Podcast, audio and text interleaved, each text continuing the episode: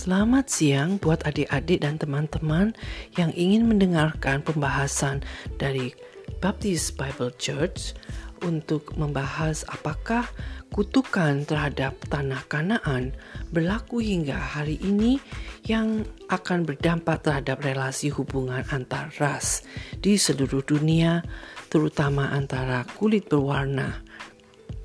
Pada uh, hari ini, tanggal 9 bulan Juni 2021, saya akan menerjemahkan bagaimana dampak dari kutukan Kanaan terhadap uh, relasi hubungan pada zaman milenial ini.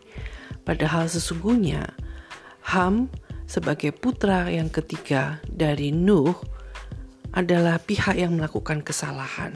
Tetapi pertanyaannya, mengapa anak dari Ham yang justru mendapatkan kutukan?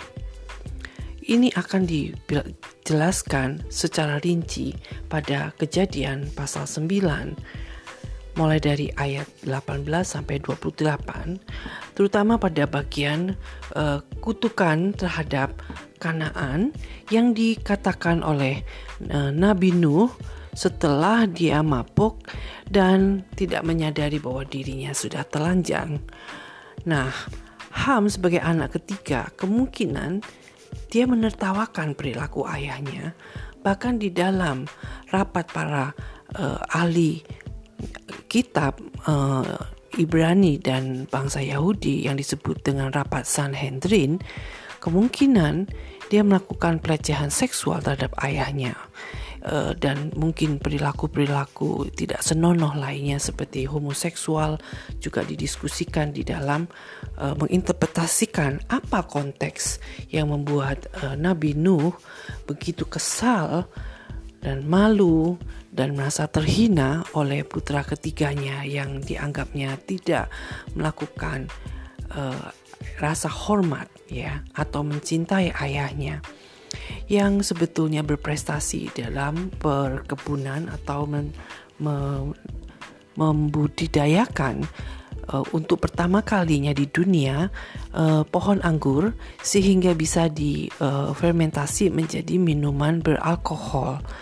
Akhirnya uh, Nabi Nuh ter sendiri tergantung bukan tergantung dia mungkin jatuh dalam keadaan mabuk sehingga ketika dia uh, tidak menyadari dirinya telanjang kedua saudara dari Ham yaitu Shem dan Yafet berjalan mundur untuk uh, tidak melihat aurat ayahnya mereka membawa kain, kemudian mereka berjalan mundur dan secepatnya mereka tidak memberitahu publik ke kiri ke kanan begitu. Dibandingkan dengan Ham yang kemungkinan dia menertawakan sambil dia mengatakan cerita itu kepada mungkin saudara-saudara perempuan atau iparnya dari pihak Syam dan Yafet. Nah, perilaku ini disambung dengan kata-kata uh, terkutuklah Kanaan hendaklah ia menjadi hamba yang paling hina bagi saudara-saudaranya. Ini adalah kutukan dari Nabi Nuh terhadap uh, Ham, padahal itu uh, adalah pihak yang bersalah, tetapi mengapa putranya yang justru dihukum?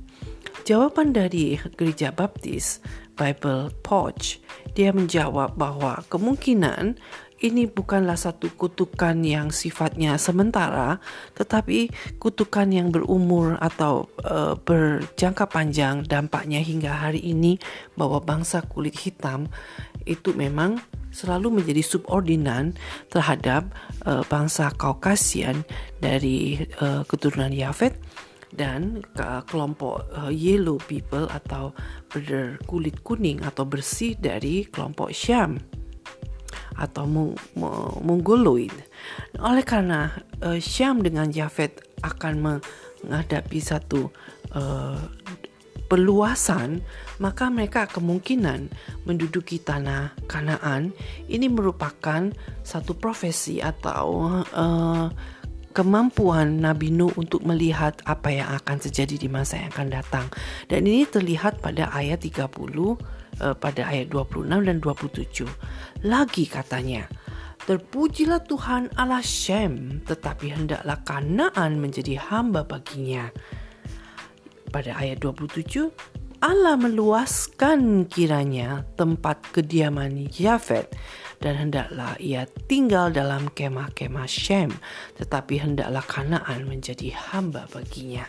Jadi suku uh, ras Ham yang merupakan anak ketiga dari uh, putra uh, Nabi Nuh sudah direncanakan, sudah diprofesikan, dinubuatkan akan pada jangka panjangnya hidup di dalam satu kondisi yang lebih rendah, terjajah atau mungkin disebut sebagai subordinan, kalau boleh dikatakan subjugated atau bahkan abused yang mungkin dipandang sebagai satu kutukan yang begitu keras terhadap HAM karena kesalahannya yang besar. Jadi uh, mengenai mengapa itu uh, kutukan bisa diturunkan kepada putra HAM yang terbungsu itu merupakan satu rahasia Allah yang uh, berjangka waktu ke depan karena kita mengetahui di masa yang akan datang memang bangsa Kanaan uh, berubah menjadi bangsa yang tidak mengenal Allah. Mereka bahkan uh, memanfaatkan seksualitas berpesta pora di dalam kemapukan dan uh, seksualitas uh, ketika mereka menyembah berhala dari patung-patung Baal dan kemudian mempersembahkan putranya atau bayi uh, untuk menjadi persembahan kepada uh, suatu uh, barang mati yang mungkin terbuat dari emas dan seterusnya.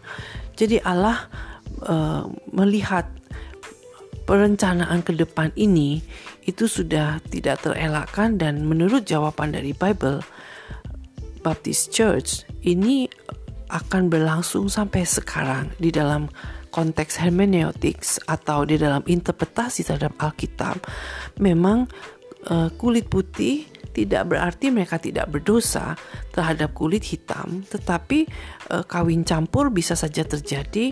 Mereka tidak melakukan dosa, tetapi bahwa sampai sekarang grup dari sebagai kelompok masyarakat uh, Ham adalah akan dianggap sebagai bangsa yang lebih rendah.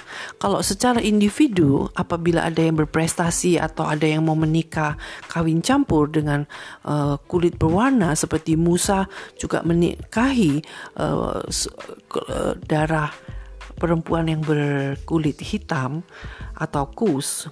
Ini adalah kelompok dari uh, Mesir ke bawah ini adalah bangsa yang dianggap lebih rendah sehingga Maryam sangat mengecam. Tetapi Allah e, secara pribadi apabila menikah antara kawin campur antara Kaukus dengan kelompok Ham ini yaitu e, istri Musa itu tidak dikecam oleh oleh Allah.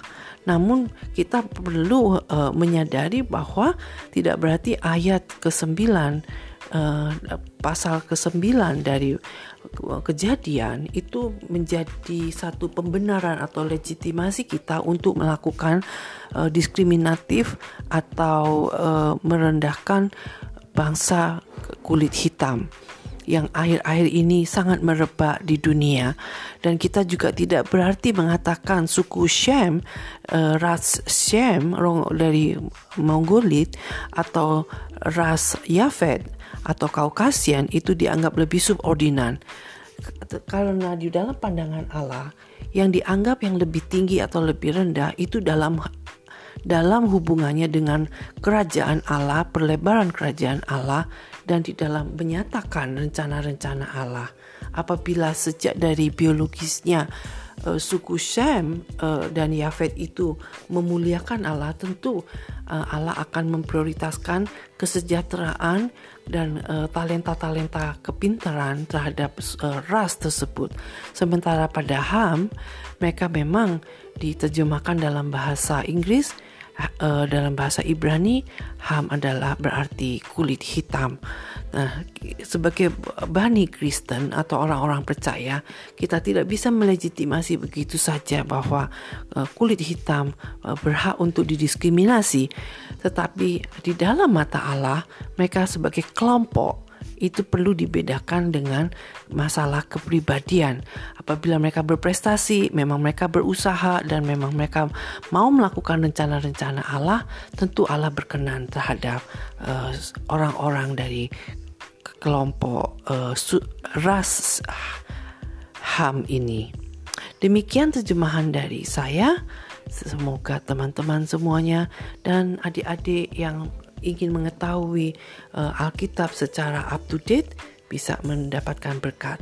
Sampai jumpa pada terjemahan berikutnya.